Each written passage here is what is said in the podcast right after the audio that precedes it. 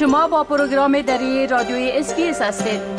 گزارشات عالی را در sbs.com.au دری پیدا کنید. حال نظر می اندازیم به تازه ترین رویدادها در ارتباط به افغانستان. از برگزاری نشست شخصیت های سیاسی مخالف طالبان در ویانا پایتخت اتریش گزارش شده است. گفته می شود که هدف از این نشست سی روزه به شمول احمد مسعود رهبر جبهه مقاومت ملی افغانستان که روز پنجشنبه آغاز شد بحث و گفتگو در مورد آینده افغانستان و چگونگی مقاومت در برابر حکومت طالبان است طبق یک گزارش صدای امریکا علی میسم نظری مسئول روابط خارجی جبهه مقاومت در تویتر نوشته که این نشست از توی یک انستیتوت خصوصی اتریشی تحت عنوان کنفرانس بین الافغانی همبستگی و هماهنگی برای آینده افغانستان میزبانی می شود. تقریبا یک ماه پیش هم دهها چهره سیاسی مخالف طالبان که در آن هم احمد مسعود شرکت داشت در یک نشست آنلاین منشور شورای مقاومت ملی برای نجات افغانستان را اعلان و به برگرداندن حاکمیت به مردم از طریق بنیانگذاری نظام و دولت مبتنی بر اراده جمعی از راه برگزاری انتخابات شفاف و عادلانه تاکید کرد. در منشور این شورا بر تحکیم نظام جمهوری اسلامی پارلمانی نام تمرکز که در آن جمهوریت و مردم سالاری اسلامی در هیئت نظام پارلمانی بیشتر تبلور می‌یابد و نیز به مذاکرات برای صلح و ایجاد دولت فراگیر انتقالی و نظام و دولت منتخب تأکید شد. از روی تصاویری که در شبکه های اجتماعی نشر شده گفته می شود که ممکن در این نشست بر علاوه احمد مسعود شماری از شیره های سیاسی دیگر مخالف طالبان به شمول فوزی کوفی، شکری بارکزی، رنگین دادفر سپنتا و عده دیگر شامل باشند.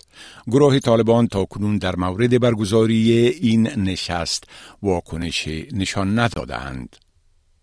در گزارش دیگر صدای امریکا با گفته سازمان های امدادرسان سکتور تعلیم و تربیه عامه افغانستان در خطر سقوط قرار دارد.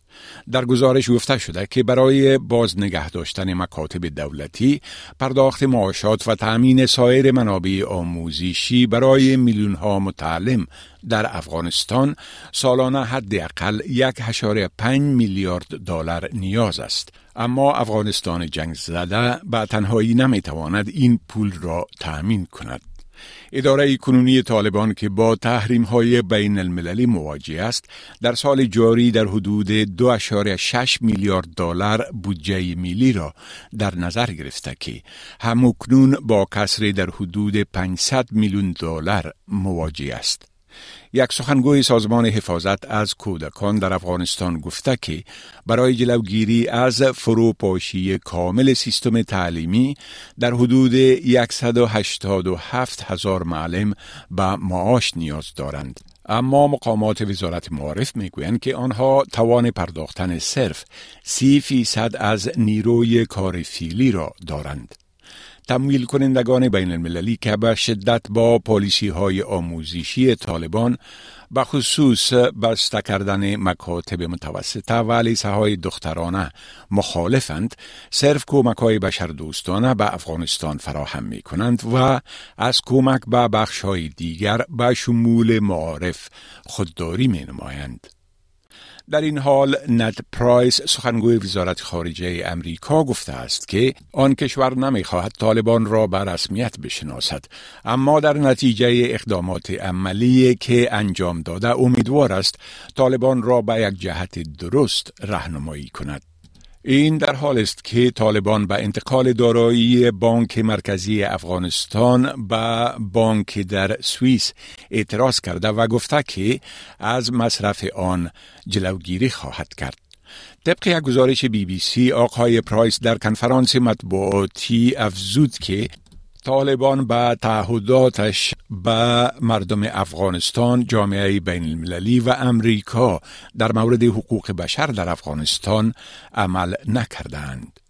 آقای پرایس در پاسخ به سؤال در مورد نشر ویدیوهایی که اخیرا منتشر شده و نیروهای طالبان را نشان می دهد که به اسیران در پنچیر تیراندازی می کنند گفت در مورد ویدیویی که شما با آن اشاره می کنید خبری ندارم اما ما در ماهای اخیر شاهد جنایات مختلفی در افغانستان بوده ایم.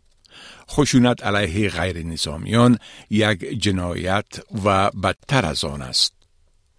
امریکا روز چهارشنبه اعلام کرد که 5.3 میلیارد دلار از دارایی های مسدود شده بانک مرکزی افغانستان را به یک صندوق امانتی در سوئیس منتقل می کند تا برای کمک به اقتصاد افغانستان به مصرف برسد در حالی که طالبان امیدوار بودند که این پول در اختیار آنها قرار داده خواهد شد